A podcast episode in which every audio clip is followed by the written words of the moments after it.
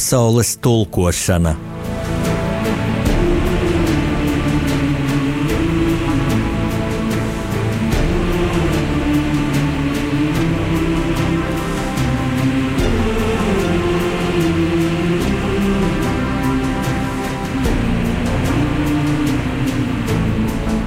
Studijā rakstnieks Jānis Udris.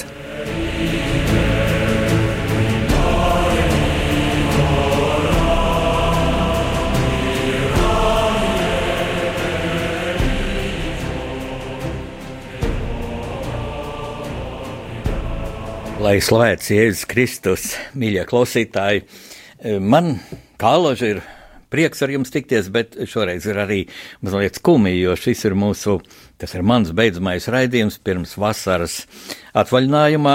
Mēs e, šodien šķiramies uz trim mēnešiem līdz nākamajai rudens sezonai Radio Marija Latvija programmās.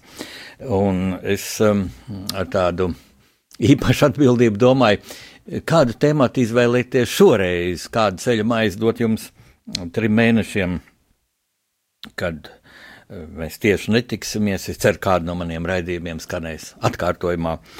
Uh, nu, es, protams, jums novēlu saulainu, mierīgu, mm, dvēseliski gaišu, dievsvētības apstarotu vasaru. Taču pasaule ir nemierīga, rodas aizvien jaunas mm, konflikta situācijas pasaulē. Diemžēl arī pie mums Latvijā laika pa laikam uzvirmo dažādi mm, politiski, ekonomiski skandāli, parādās dažādas baumas publiskajā telpā, un es kā profesionāls rakstnieks un um, profesionāls publicists, labi redzu, ka mm, aizvien intensīvāks kļūst hibrīda karš. Un te nu varbūt neviens no jums šobrīd ir pārsteigts, kāds karš, par ko tad rakstnieks Jānis Udrs runā. Tajā pašā laikā uh, informatīvajā telpā dažkārt jūs varat sastapties ar tādiem nepaskaidrotiem, neargumentētiem mm, nu, paziņojumiem, ka būtībā jau ir sācies trešais pasaules karš.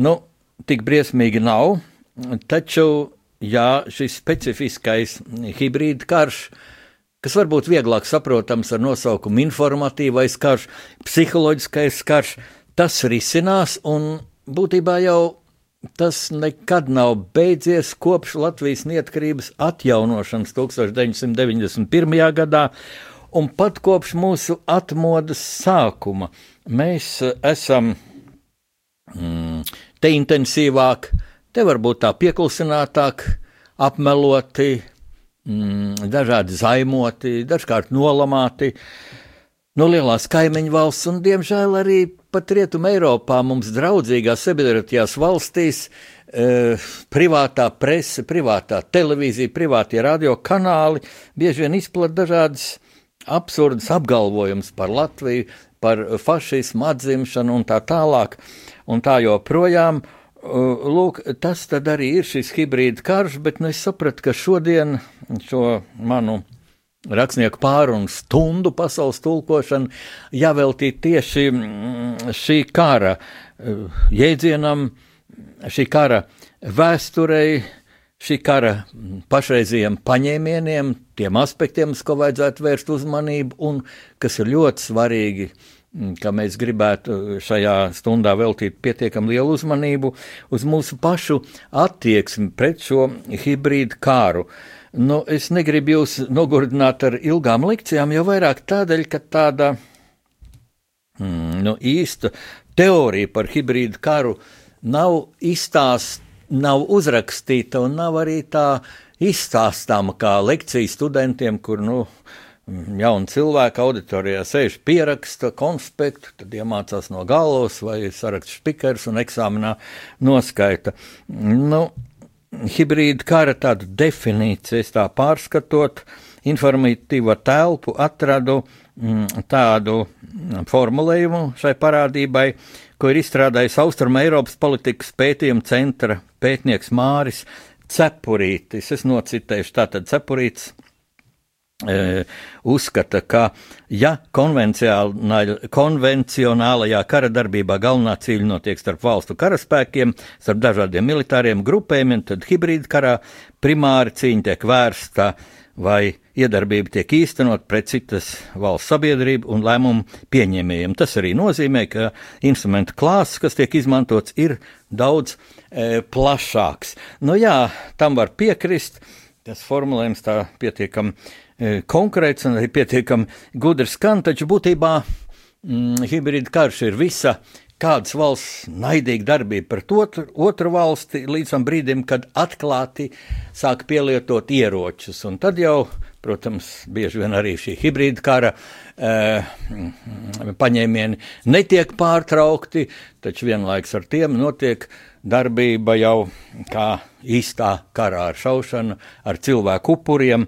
Nu, paldies Dievam, tas pie mums nenotiek, taču lūk, šis hibrīda karš, jeb informatīvais, jeb psiholoģiskais karš, kā jau teicu, mm, notiek visu laiku pret mums, un pēdējā laikā kļūst aizvien intensīvāks un izsmalcinātāks. Taču, pārdomājot šo, šī hibrīda kara vēsturi, nosaukums ir jauns, bet pats princips, tā tad iedarbošanās uz cilvēku prātiem, lai cilvēks E, padarītu vājāku savu zemes aizstāvēšanai, lai iemidzinātu cilvēku modrību un tā tālāk un tā tālāk.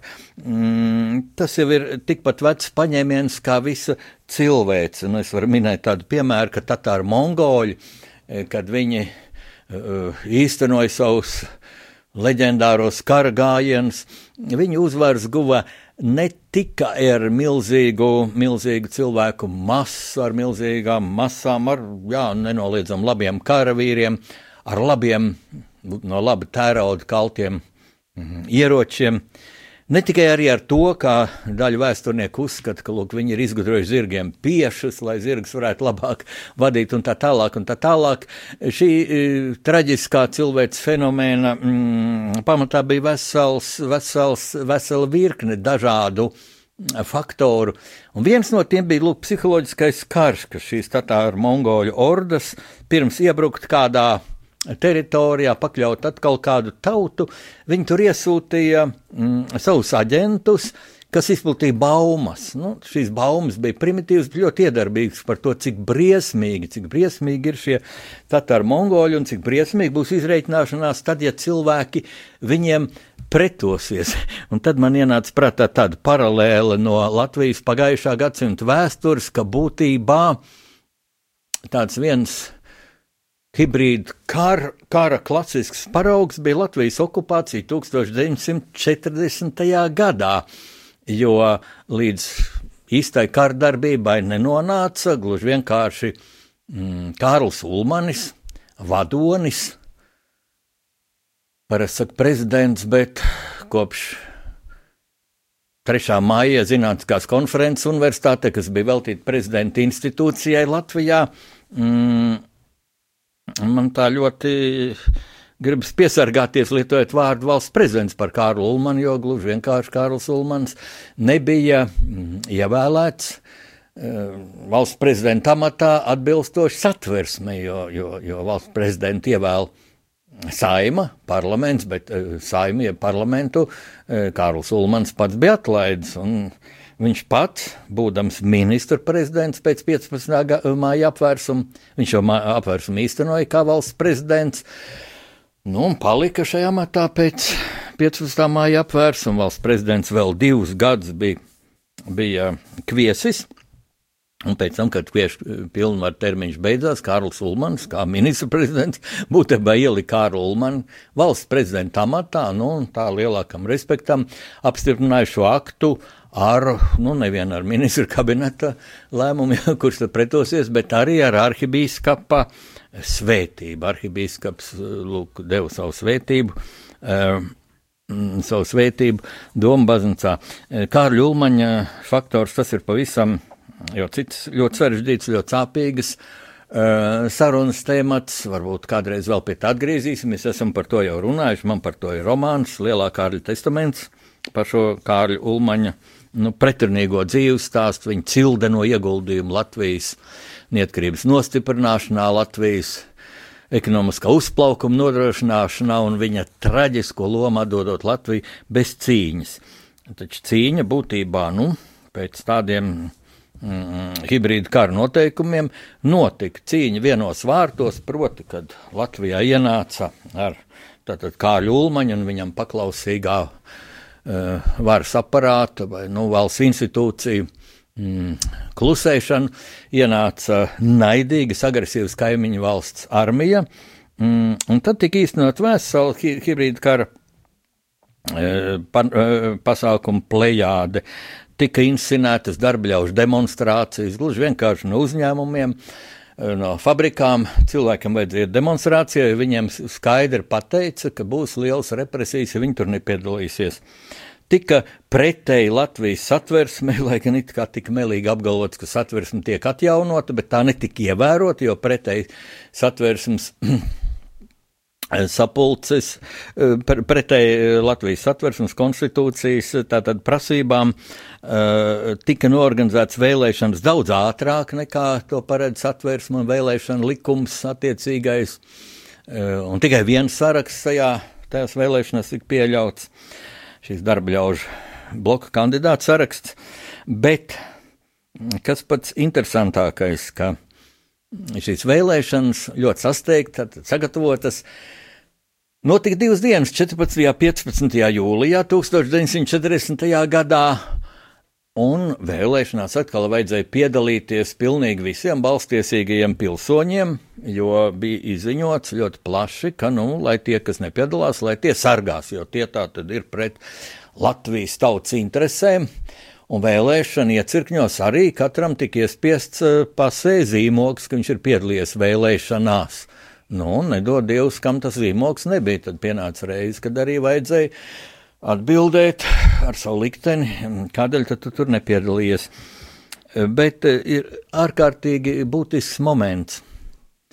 Būtisks moments, un te man ir jārunā par tādu fenomenu šajā 40. gada hibrīda karā pret Latviju, ka brīdī, kad ieradās Latvijā sarkanā armija. Nu, sarkanā armija bija jau no 39. gada rudens šeit savās bāzēs, bet 40. gadā ieradās šis papildus kontingents, un nu jau sarkanās armijas skaitliskais sastāvs un e, pārsvars e, ar tankiem, ar lidmašīnām bija nospieduši pār Latvijas armiju.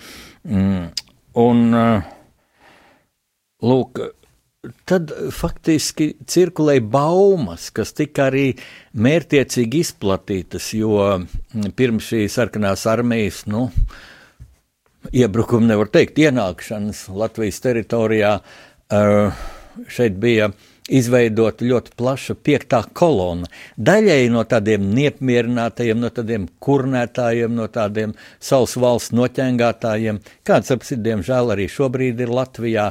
Nu, tādi bija arī 30. gados, un faktiski viņi diezgan daudz bija arī 30. gadu otrajā pusē, kā ļūmaņa autoritārās valdīšanas gados, jo kur ir tā teikt, tāda koncentrēta vara vienās rokās, tur, protams, rodas arī opozīcija, nu, Ulmans pret opozīciju bija ļoti liberāls, neviens netika nošauts, nu, cietumā daži sēdēja, gan neliels skaits, un kad ar lielu pompu, kā šī hibrīda kara elements, tika organizēta tāda šo politi ieslodzīto atbrīvošana pie, pie, pie centrāla cietuma, ieradās uh, Latvijas Republikas iekšlietu ministrs, kurš bija ļoti populārs tautā rakstnieks, uh, Vilis Lācis. Nu, es teiktu, tas bija populārākais latviečs. Tobrīd varbūt kaut kas popularitātes ziņā līdzīgs kā šobrīd Raimons Pauls.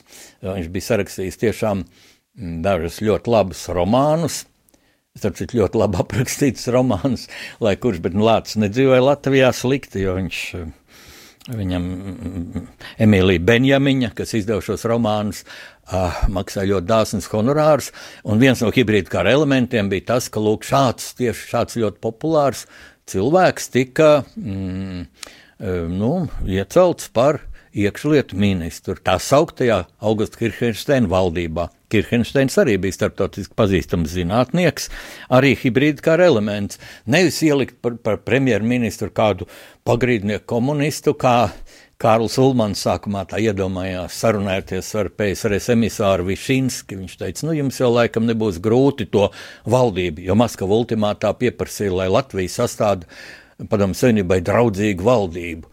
Un, un Višinskis iedeva Ulmanim salocīt papīra lapiņu. Lūk, šeit ir tās valdības saraksts. Un Ulmans vaļā nevarot, viņš saglabāja pašcieņu, tas aprakstīts manā romānā. Viņš teica Višinskim, nu jums jau nebija grūti laikam sastādīt tādu sarakstu, jo jums jau te mums ir nu, daudz, daudz atbalstītāju komunisti, kas kritizē manu valdību. Un tad Mišinskis tā ironiski pasmīnēja, teica, vai jūs domājat, ka tie mums ir vajadzīgi? Nē, viņam vajadzēja populārus cilvēkus šajā valdībā, lai īstenot hibrīda kara mm, e, galveno konceptu, tātad iedzīvotāju maldināšanu, lai nenāk prātā, ka grib iznīcināt Latvijas neatkarību, padomju savienību, ka grib pievienot Latviju varmācīgi šai Staļina impērijai, un tad tai valdībā vesela plejāda bija tādi cilvēki, par kuriem nenāca neprātā, ka viņi varētu būt lojāli padomi režīmam. Tur bija pat sabiedrisko lietu ministrs Pēters Blaus, kurš bija aizsargrotas komandieris, un nevis vienkārši aizsargrotas, bet tās aizsargrotas komandieris, kura 34. gada 15. maija naktī Ulmaņa apvērsuma laikā faktiski īstenoja visu to atbildīgāko militāro operāciju. Viņi tieši viņi ieņēma sociāldemokrātu namu Bruņinieku ielā, tur, kur tāda ir arotbiedrība nams. Tur varēja būt pat bruņots sadursmes, jo sociāldemokrātiem arī bija savas bruņotās vienības. Nu, lūk, bet mēs atgriezīsimies pie 14. un 15. jūlija vēlēšanām. Tātad divas dienas, sestdienā, svētdienā notiek vēlēšanas, bet notiek tāds absurds, kas bieži vien notiek hibrīda karā. Dažādām valstīm jau hibrīda kara metodas jau lieto visā pasaulē, bet nu padomju savienībai tas notiek ļoti bieži, jo mēs vecākā paudze, arī vidējā paudze, kas esam dzīvojuši reāli padomju savienībā, šajā padomju okupācijas uh, režīmā, atcerēsimies, ka tur starp dažādām bija, bija ļoti liela birokrātija, bija ļoti daudz dažādas instrukcijas, dažādi priekšraksti, un, un vienlaikus gadījās arī daudz paviršības un traģiski pārpratumi, par ko mēs stāstījām anekdoties un tā tālāk un tā tālāk. Un būtībā padomju savienības vēsture ir caurstrāvot ar tādām ar tādiem banāliem pārpratumiem, piemēram, 1968. gadā, kad padomju, mm, padomju Mm. armija tika ievesta Čehoslovākijā, lai apspiestu Čehoslovāku tautas tādu, nu, vēlēšanos dzīvot lielākos demokrātijas apstākļos, un tā padomju savienība un dažas viņas satelīta valsts, Bunga, Bulgārija, Austrumvācija, Polija ieved savus armijas tur, un, un atkal tur bija īstenotas hibrīda kara metodas, tika viltīgā veidā vienā aerodromā nosēdināta lidmašīna ar ar padomi desantniekiem, kuri izveidoja eh, tādu pārvietojumu radiostaciju un raidīja eh, čehu valodā, ka, lūk, nu, valstī tā tad varu pārņem fašisti un lai padomu savienība nāk palīgā.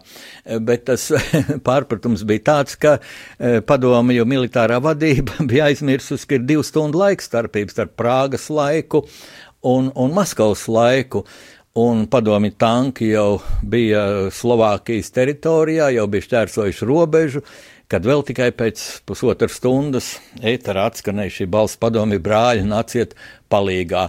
Nu, man ir ļoti žēl, ka šādas vēstures, vēsturiskas kļūdas cilvēki aizmirst, un vēlreiz, nu jau pēdējo reizi atgriežos pie šīm Latvijas vēlēšanām, tātad eh, beidzas balsošana. Mm, Sestdienā, 14. jūlijā, vēlēšana iecirkņi tiek slēgta līdz nākamajai otrajai balsošanas dienai, Svētdienai, 15. jūlijam, bet e, Maskavā PSRS oficiālā ziņa aģentūra kaut ko pārpratusi, jo mm, padomu senībā valdīja arī nu, tāds krievu tāds tautas teiciens avos, avos prēģot, vai ir arī daži rupi teicieni, nu, ko latviešu varētu pārfrāzēt tā kultūrālā valodā, strūns pa bitēm, kā tik medus un tā tālāk. Ja. E, mm, var to tādā paviršībā, Viņi nebija pamanījuši, ka Latvijā šīs vēlēšanas notiks divas dienas, un jau pēc vēlēšana pirmās dienas tātad tas, tātad oficiālā, visnotaļ, visnotaļ oficiālākā e, PSR ziņa aģentūra, citas jau arī nebija Padomju Savienībā, paziņo, ka vakar, tātad 14. jūlijā, Latvijā notika uh, vēlēšanas, kurā tauta piedalījās ar lielu sajūsmu, un 97,6% cilvēku nobalsoja par, par darba ļaužu bloku kandidātu sārakstu. Uh, vēsturiski mm, tas ir nofiksējies Angļu avīzē The London Times. Un mūsu vēsturnieki nu, tiešām varētu beidzot izpildīt savu profesionālo pienākumu. Neviens no viņiem strādā Londonas bibliotekā, šo The London Times 1940. Eh, gada mm, laikrakstu kompleksu var atrast arī daudzās citās pasaules bibliotekās, un tiešām vajadzētu to nocitēt un beigās uh, Latvijā kādā zelīdā vēstures grāmatā mm, ievietot šo faktu, ja, ja The London Times, par kura nu, šī izdevuma patiesumu nebūtu jāšaubās, jo viņa ne, nekā nekomentē, viņa vienkārši pārdrukāja aģentūras tas ziņojumu. Tātad, Kā aģentūra tas, PSRS oficiālā ziņa aģentūra ziņo šodien, 15. jūlijā, tad vakar, 14. jūlijā Latvijas Republikā notika vēlēšanas, kurās piedalījās tur tik un tik, tātad ļoti daudz vēlētāju, 97,6% nobalsoja pār darba ļaužu bloka eh, kandidāts saraksts, kas bija vienīgais saraksts šajās vēlēšanās. Punkts. Eh, ziniet, man tas ļoti satrauc tādēļ, ka Latvijā līdz šim šo faktu ir pateikuši divi literāti. Viens no tiem ir cilvēks, patriots, kurus ļoti cienu, tas ir Visvalds Lācis. Ja atcerēsieties, vēl pirms dažiem gadiem viņš bija mūsu saimnes uh, deputāts, un viņš bija vecākais uh, deputāts Eiropas Savienībā. Viņam ir liekas 90 gadi. Nu, un otrs. Otrs rakstnieks, kas šo faktu ir minējis vairākos savos romānos, romānā Lielā Kārļa testaments, romānā Leitnants Rubens, Bruņnieks Roberts, arī grāmatā Pusauģe, Melders un Matīs Ceļojums vēsturē. Tas ir jūsu padevīgais kalps Jānis Udrs, kurš šobrīd runā ar jums Lat, Radio Marija Latvija eh, programmā. Tiesa bija tāds nu, traģikomisks gadījums, ka divi uh, Divi ļoti pazīstami vēsturnieki, divi profesori savā Latvijas vēstures grāmatā, kas iznāca, mm, iznāca 2010. gadā, arī minēja šo faktu. Bet um, viņi uzrakstīja tādu teikumu, jau vēlēšanu, jau pēc vēlēšanu otrās dienas tika paziņots, ka uh, nobalsojuši 97,6% vēlētāju. Un cilvēks, kas kaut cik orientējas eh, nu, rakstītajā tekstā, drukātajā vārdā, teksta rediģēšanā, sapratīs, ka šim teikumam nav nekādas jēgas. Nu, ja balsošana gāja divas dienas, eh, Nu, tad, protams, ka balsošana beidzās, tad paziņoja rezultātu. Parasti gan nevis pēc otrās dienas, bet, nu, teiksim, trešajā dienā, jo paiet jau naktis, kamēr saskaita rezultāts. Tagad, ja televīzija, nu, dažas stundas pēc balsošanas beigām ziņo šos exit polu rezultātus, ja tas ir, ka cilvēki pie vēlēšana iecirkņiem tiek aptaujāti, nu, un tad ar lielāku vai mazāku precizitāti vismaz tā var norientēties, kurš tad būs uzvarējis. Bet, Bet šeit skaidrojums ļoti vienkāršs un ļoti banāls. Lūk, šie, šie divi cienījamie profesori uh, uzrakstīja jau pēc vēlēšana pirmās dienas, tika paziņots, ka 97,6% nobalsoja. Bet tad tur kāda, kāda nu, nezinoša, nezinoša redaktore vai nezinoša korektore. Uh, tā ir liela traģēdija, nezināt savas valsts vēsturi un, un, Un tas ir liels iegūms mūsu pretiniekiem, mūsu neatkarības pretiniekiem. Hibrīda karā liels bonus. Ja? Vienkārši izlaboja, pagaidi, nu, kur tad ir loģika. Ja, ja balsošana gāja divas dienas, kā tāpēc pirmās dienas varēja jau pateikt rezultātu. Redziet, hibrīda karā nav loģika. Hibrīda karā ir intereses nodarīt ļaunumu. Uh, tātad agresijas upurim iespējami lielāku ļaunumu. Nu, un hibrīda karā, kā redzam, ir arī liktenīgas kļūdas, ko mēs nevīžojam pat pamanīt. Tāpēc es, mīļie klausītāji, tiešām jūs ļoti, ļoti lūgtu, ja?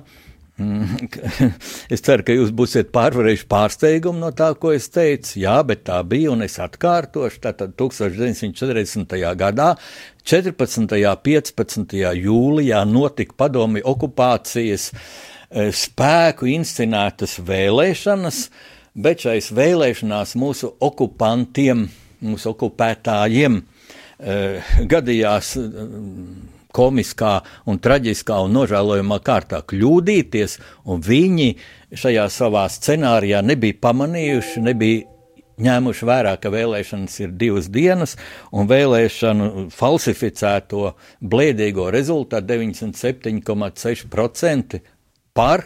Patiesībā es domāju, neviens pat tās balss neskaitīja.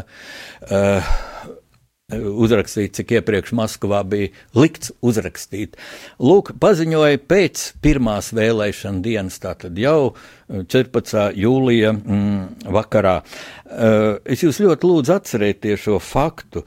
Ja jūs gribat vēl precizēt, tad izlasiet manā, manu romānu Ulmanis, Lielā Kārļa testaments, kas iznāca uh, 2010. gadā apgādā zvaigznā ABC vai man romānu Leitnants Rubenis, bruņnieks Roberts, kas iznāca tajā pašā apgādā zvaigznā ABC 1000, atvainojiet, 2016. gadā, vai man grāmatu pusauģiem Melders un Matīs ceļojums vēsturē, tā ir tāda kolorīta krāsaina grāmata bagātīgi ilustrēta, kas iznāca apgādā zvaigznā ABC 2013. gadā. Un visbeidzot, vienkārši, nu, es lūdzu šo faktu atcerēties, stāstiet saviem bērniem, saviem mazbērniem, jo, nu, vēsturnieku attieksme pret šo faktu ir ļoti dīvaina. Ir man bijuši tikšanās ar vēsturniekiem, un it kā gudriem cilvēkiem viņi paši brīnās par šo faktu, bet es domāju, ja min šo faktu, nu, tad jebkuram pats Danokai un citiem Latvijas nīdējiem, visiem šiem Lindermaniem un citiem demagogiem gluži vienkārši nebūtu vairāk ko teikt. Nu, pas, kā, kā tu izskaidro šo faktu? Ja? Kā tu izskaidro šo faktu? Nu, es domāju, tagad brīdis muzikai, lai jūs varētu pārdomāt šo manis teikto.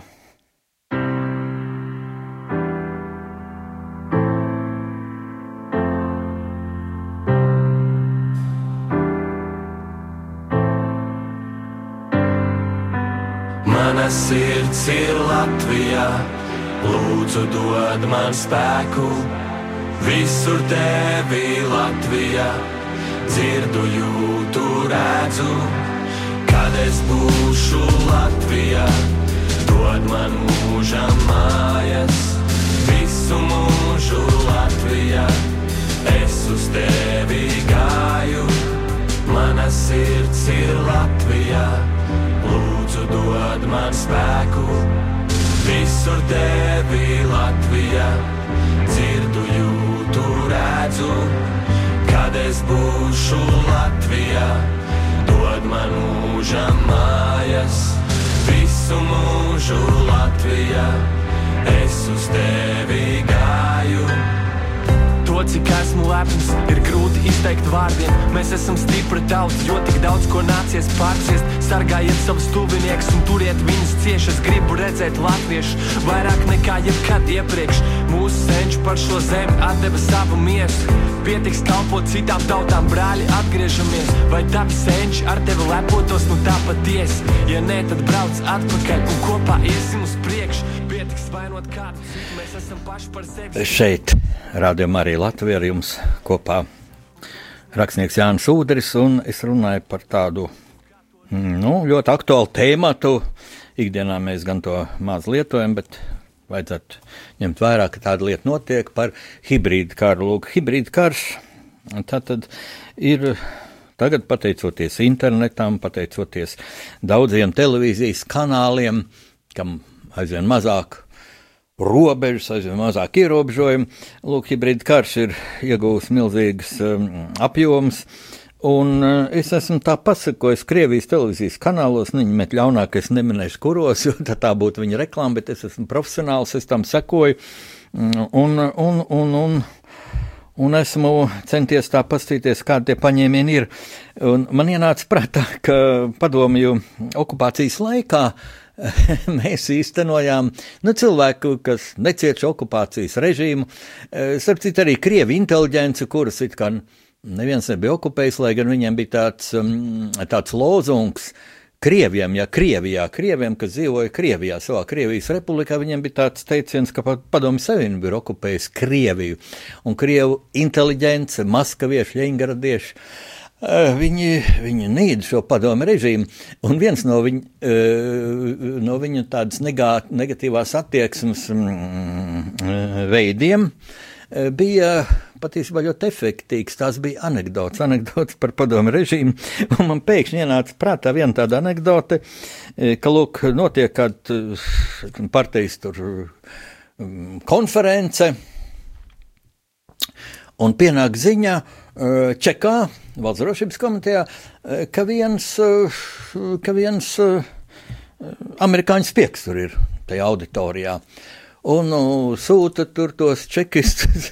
Mums ir tāda, nu, tāda, tāda arī tāds mīts joprojām, viņš tiek uzturēts Latvijas sabiedrībā. Tas arī ir hibrīda kara tāds, tāda niansīta, ja, ka šī čeka ir bijusi ļoti gudra, bet, nu, nu kā lai saka, nu, gluži muļķis tur neņēma, bet es domāju, ka pietiekami daudz muļķības jau, jau parādījās šajā 40. gada okupācijas scenārija īstenošanā, ko es pirms muzikālās pauzes teicu, ka paziņoju vēlēšanu, divu dienu vēl, vēlēšanu rezultātus paziņoju pēc e, pirmās vēlēšana dienas.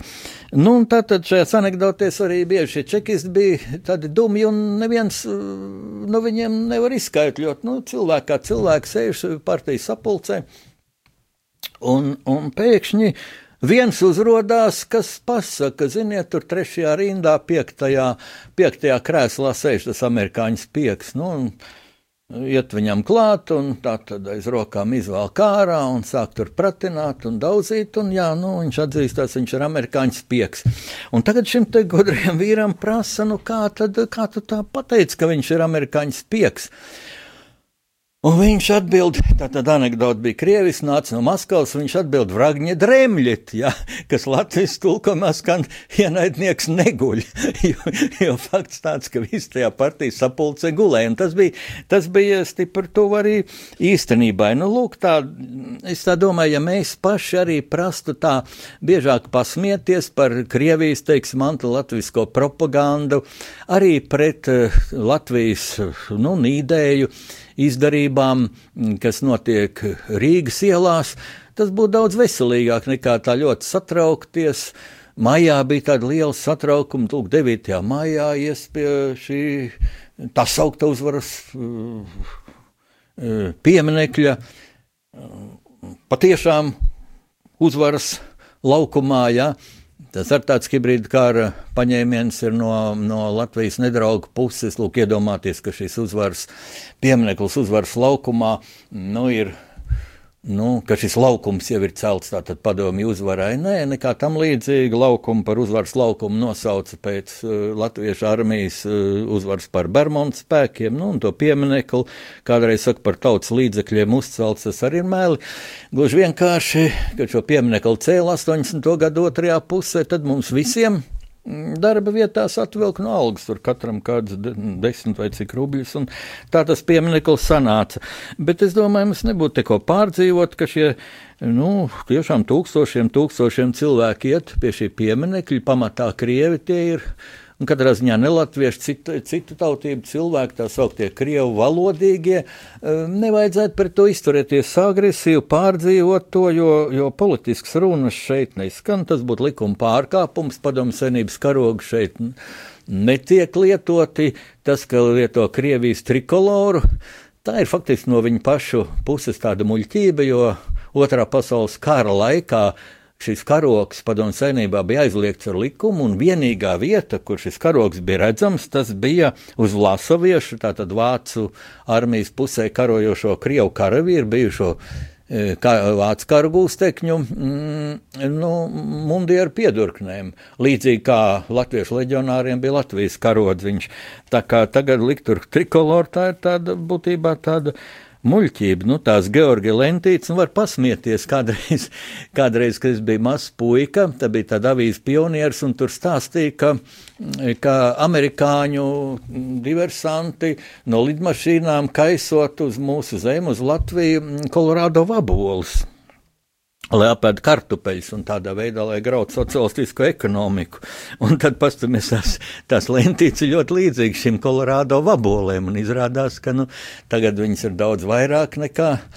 Nekā tajā laikā, nu, bet tas joks, joks, bet es, kad paskatījos televīzijas, Krievijas televīzijas kanālus, man sākumā likās, ka, nu, tiešām, jebkādas tādas insinuācijas, apgalvojumus, apmelojumus pret Latviju, uh, sagudro tieši tur Maskavā, bet tad es tā sāku analizēt, nu, piemēram, Krievu televīzijas ziņās tā, starp citu, vienā mierā, kā par nesatircinām faktu, pasaka tādu teikumu, ka, lūk, Rīgā jūs varat eh, grāmatveikalos eh, daudz vairāk cilvēku pērk eh, Hitlera Mein Kampf nekā Harry Potteru. Un es tā sāku domāt par šo it kā idiotisko apgalvojumu, pēkšņi saprotu, mīļais, dieviņ, tas taču atbilst patiesībai. Ziniet, kādā veidā Hitlera Mein Kampf ir tiešām pārtulkots un izdots, un tas neko nenozīmē vairāk kā tikai to, ka tas ir tāds vēsturisks fenomens. Hitlers, fašisms, šī viņa grāmata Mein Kampf, ko faktiski vēsturniekiem, profesionāļiem vajadzētu izlasīt, lai saprastu, kā šāds maniaks, šāds nu, sātana kalps varēja rasties un apmuļķot cilvēkus. Ja? Un, ja cilvēks lasa tādu grāmatu, absolūti nenozīmē, ka viņam būtu fašistiska ideoloģija, fašistiska pārliecība. Drīzāk jau otrādi, ka viņš grib saprast, kā tāda muļķība varēja rasties. Nu, es pieņemu, ka jā, varbūt tur kādi pieci vai desmit cilvēki šo grāmatu arī nopērk, bet Harry Potter, jā šis rolings fenomens, kā viena maisaimniece varēja pēkšņi iz, atrast to zelta āderi, kad lūk šādas grāmatas raksta, mm, kas tiek pārdots milzīgā tirāžā, kaut kādā veidā paņem lasītāju. Pat šī Rolinga ir kļuvusi miljonāra, un tagad nezinu, ko ar tiem miljoniem darīt, un ieslīgus dziļā grūtsirdībā, un, un tur sniedz dažādas paziņojumus par pašnāvību, ko grasoties darīt, un psihiatri jau ārstē viņu, bet Bet, bet, bet Latvijā šo grāmatu izdeva un izplatīja izdevniecība Jumava. Un apgādam Jumavu gluži vienkārši izbeidzās termiņš licencei šo grāmatu tirgot, un turpat zināms juridisks problēmas bija. Un, protams, šo grāmatu vairs nedrīkst pārdot un nepārdod. Un līdz ar to pat, ja viens cilvēks nopirks Hitler, Hitler Mein Kampf un šo Harry Potter nulle cilvēku, tad tas ir vairāk. Un tad es sapratu, ka tomēr šo mēlu, šo, šo apmelojumu Nu, jā, redziet, reāli fakta, bet nu, sagrozot proporcijas. Ja nepērk ne Menkampfu, ne Rolingu, tad Menkampfu nepērk, tāpēc, ka nu, praktiski nevienu tas neinteresē, varbūt pāris īpatņus, nu, un Rolingu, tāpēc, ka nedrīkst tirgot. Un no šāda fakta kaut ko uztais tādu lielu, bet mm, es tā vēroju, ka es ar interesi skatījos 9. maija parādu no Maskavas un šo burtiski histēriskos komentārus un šo perfekti režisēto parādi un sapratu vienu lietu, ka Krievija ir milzīgās ekonomiskās un arī politiskās grūtībās, un ka viņiem jāliek viss uz vienu kārtu, uz militārismu un uz kādreizējās militārās varenības, uz šīs it kā uzvaras lielajā tevijas karā, kā viņi sauc, nu, praktiski otrajā pasaules karā uz šīs uzvaras kārtas. Un patiesībā te ir vietā jautājums, kur tad ir valsts, kur uzvarēja līdz ar Angliju, Franciju šajā otrajā pasaules karā. Tā bija padomu senība, kur viņi ir. Viņi ir mēstur, vēstures mēslainē. Un te es gribētu vilkt tādas paralēlas ar Ziemeļkoreju, ar komunistisko Ziemeļkorejas režīmu, ka viņi arī liek visu uz vienas kārtas, uz militārismu, tikai, ja padomu senībai tas ir vērts pagātnē, mm, lūk, kāda izcila uzvara. Patiesībā šī uzvara nebija izcila, viņa bija traģiska. Viņiem bija daudzkārt lielāki upuri nekā Hitleriskajai Vācijai. Gluži vienkārši tāpēc, ka sūtīja e, cīņās bieži vien niebruņots karavīrs, pat bez, pat bez šautenēm. Pagaidi, kamēr tur viena nošausta, paņem šauteni, gāja ar sapieru lāpstiņām rokās mm, karavīri. Dzina karavīrus uzbrukumā piedzērušos. Mm, bija tādas līķu kaudzes, ka vāciešiem pārkars ložmetēji. Tas bija būtībā Staļina karš pašam pret savu tautu. Tā kā šo uzvaru nebūtu ko lepoties, bet, nu, acīm redzot, cik nekā nav ko lepoties. Ekonomika ir vāja, vara, izmisīgi jāturās šim Putina Medveģevu tandēmam pie varas. Putins, cik atļauj likums, tik reiz tika ievēlēts par prezidentu, pēc tam Medveģevs tiek ievēlēts, Putins ir premjers un tā tālāk un tā tālāk. Tā viss ir tāda cilvēku muļķošana, būtībā hibrīda karš pašiem pret savu tautu, bet tā tad pagātnē vērsts šis heroisms savukārt šim Kimu režīmam, kas sākās ar Kimu Senu, kurš ir vēl joprojām, kaut sen jau miris, kurš vēl joprojām ir Korejas Tautas Demokrātiskās Republikas prezidents, jo, jo tā teikt, viņš ir nemirstīgs un, un, un viņš ir prezidents uz mūžību, ne tikai uz mūžu, uz savu mūžu, bet uz mūžību. Un, nu, viņa dēls Kimčēns un tagadējais viņa mazdēls Kimčēns. Nu, tie ir tādi kā prezidenta vietas izpildītāji, bet šis Kimčēns, atšķirībā no saviem priekšgājējiem, nu, kas bija pilnīgi padomu sēnības vasaļi un kurus arī uzturēja padomu sēnību un baroja, nu, viņam tas atkrita jau.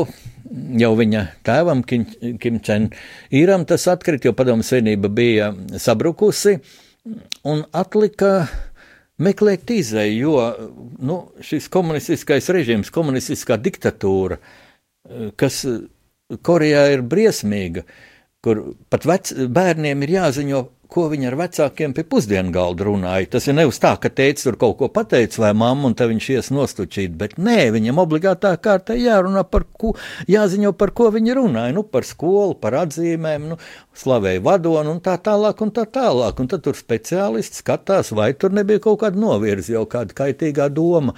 Nu, šādā režīmā, kur televīzija, ja ir eh, neražas gadi, un šī primitīvā, ļoti primitīvā lauksaimniecība, kur zeme ar, ar spīļarkliem, ja, ja tā nespēja nu, nu, kaut minimāli pabarot cilvēks, nu, tad televīzija sniedz pamācības, kā no zāles vārīt zupu un cik garšīga zupa iznāk.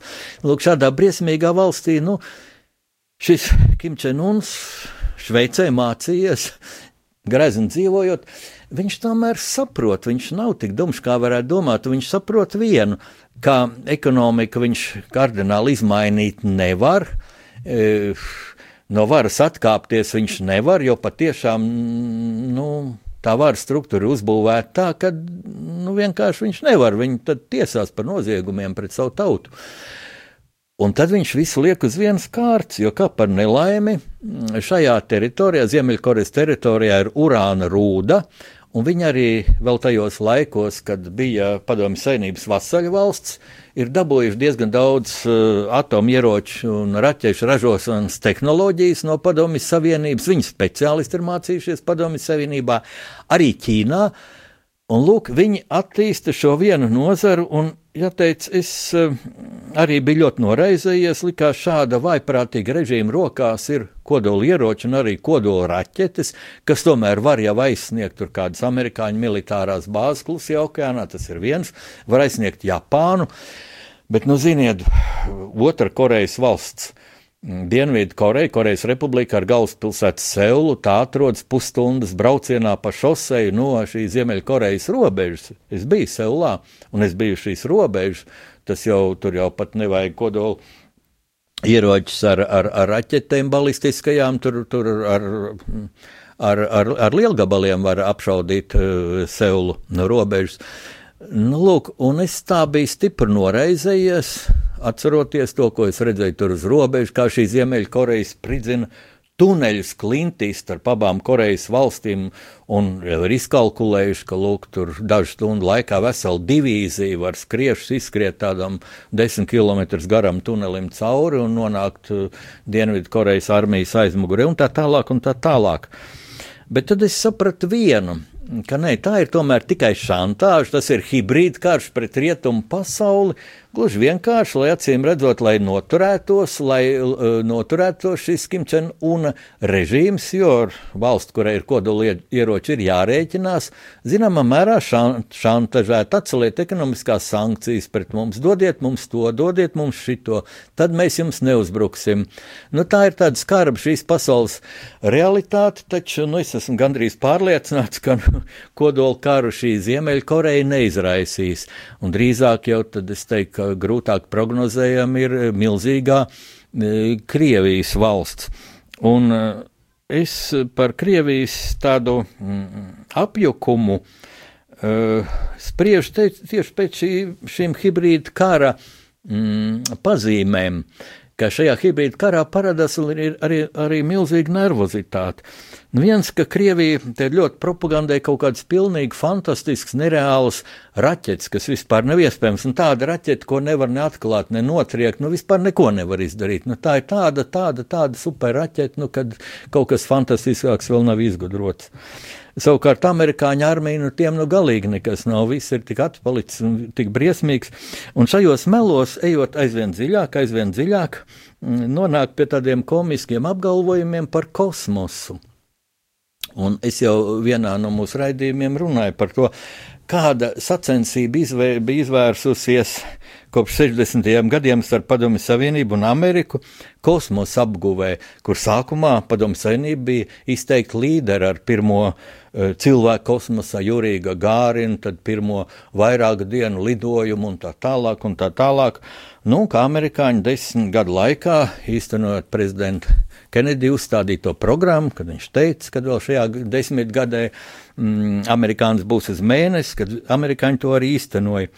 Un tagad nu, vienkārši mm, padom, Krievijas propaganda nonāk līdz tādiem komiskiem apgalvojumiem, ka amerikāņi pat vispār nav bijuši uz mēnesi, un tad tur dažādas nu, tādas pilnīgi absurdas momentus min kā pierādījumu, ka, lūk, tur ir, ir video kadri, kur, kur amerikāņi uzprauž uh, savu karogu uz mēnesi, bet šis karogs tā kā nav, nav saplacis, bet tur no atmosfēra un viņam vajadzētu būt saplakušam. Nu, nepadomājiet, ka gluži vienkārši amerikāņi, lai šis karogs būtu vizuāli redzams, uzlika nevis, nevis tur drēbes karogu, bet, bet plasmas karogu, kurš, kurš nevar sakļauties un tā tālāk un tā tālāk. Bet, ir, nu, tas jau ir komiski, un tas liecina par nervozitāti, par tādas īstas koncepcijas trūkumu arī. Bet mani ļoti satrauc tas aspekts, ka mēs, latvieši, publiskajā telpā ļoti bieži paši kļūstam par tādiem, nu, psiholoģiskā kara pret Latviju, ziniet, uh, nevis objektiem, ja mēs esam it kā objekti, pret kuriem šis karš vēsts, bet kļūstam par subjektiem, respektīvi par dalībniekiem. Un te es gribu pirmkārt minēt šo savas valsts noķengāšanu, kas ļoti plaši ir izplatīta internetā.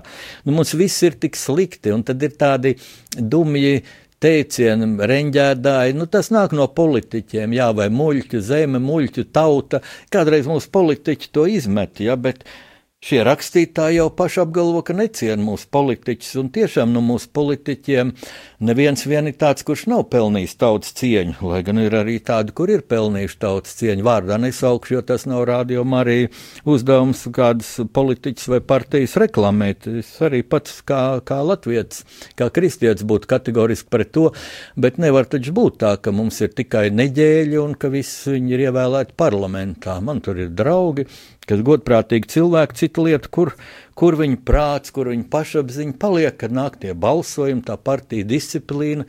Te nu ļoti būtu par to jāpadomā par mūsu saimnes kārtības rulli. Un 3. maijā šogad es piedalījos Latvijas Universitātes un vēl dažu organizāciju, sabiedriska organizācija rīkotā zinātniskā konferencē par prezidenta institūciju prezidenta institūciju demokrātiskā valstī, Latvijā.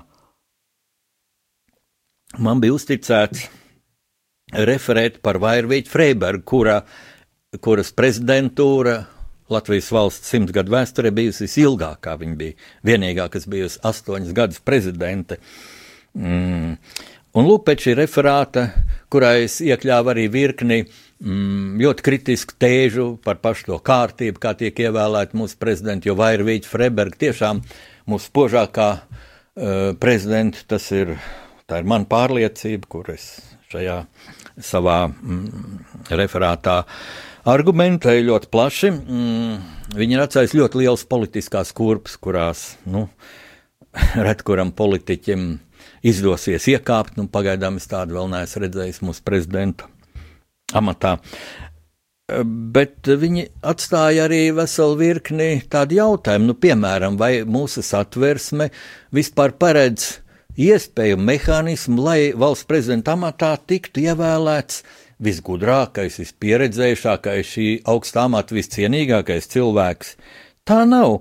Šeit ir atstāts ļoti plašas uh, interpretācijas iespējas, diskusiju iespējas saimai, un šī vēlēšana praksa rāda, kad liela daļa vēlētāju saimā, eh, liel, nu jā, deputātu, kur tātad kopsumā ievēl šo prezidentu, ievēl slēgtā balsošanā, eh, tātad viņi ir ieinteresēti nevis, lai būtu pats spilgtākais cilvēks prezidents, bet lai būtu lojālākais, viņiem pakļāvīgākais, viņiem, lai ar prezidentu varētu manipulēt.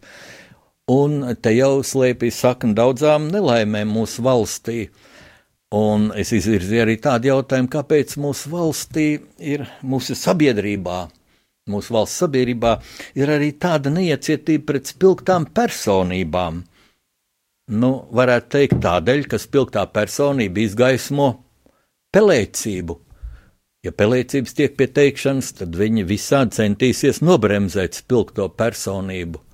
Un to var vērot daudzās mūsu dzīves jomās, un arī šī lūk ir liela uh, ļoti barojoša augsne hibrīda karam pret mūsu valsti. Ja mēs paši necienam savu valsti, tad arī citi mūsu valsti necietīs, necienīs. Par to mums ļoti vajadzētu padomāt.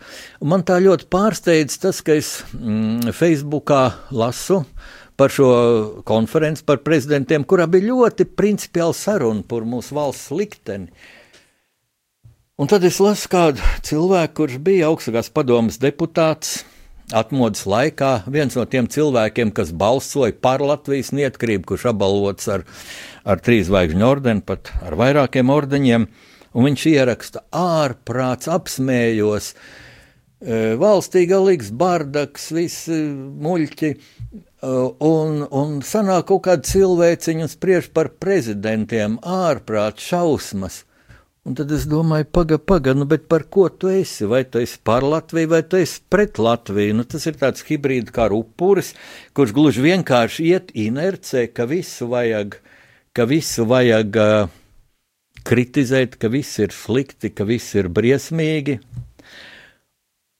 Un atvadoties pirms, pirms saulainās vasaras, es jūs aicinātu, mīļie klausītāji, tā ļoti padomāt, nu, pirmkārt, vai iesaistīties um, šajās um, sociālo tīklu uh, nu, agresīvajās diskusijās. Nu, kāda uh, jēga, ja viens latviečs otru apmelo, ja noķengā savu valsti?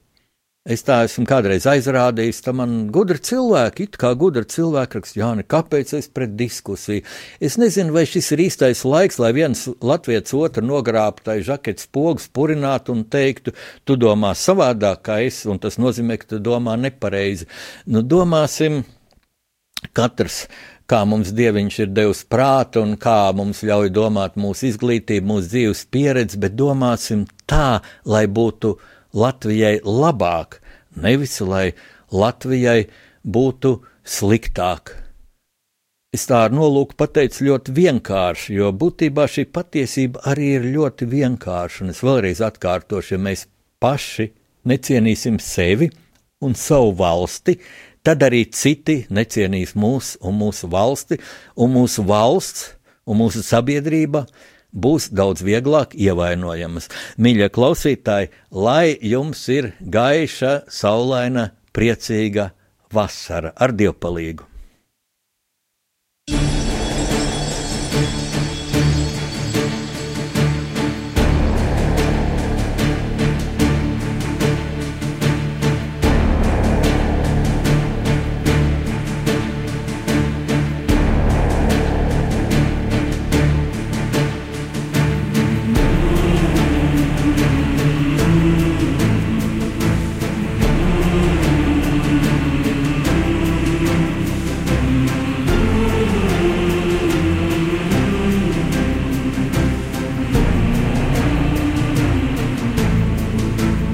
Pasaules tulkošana.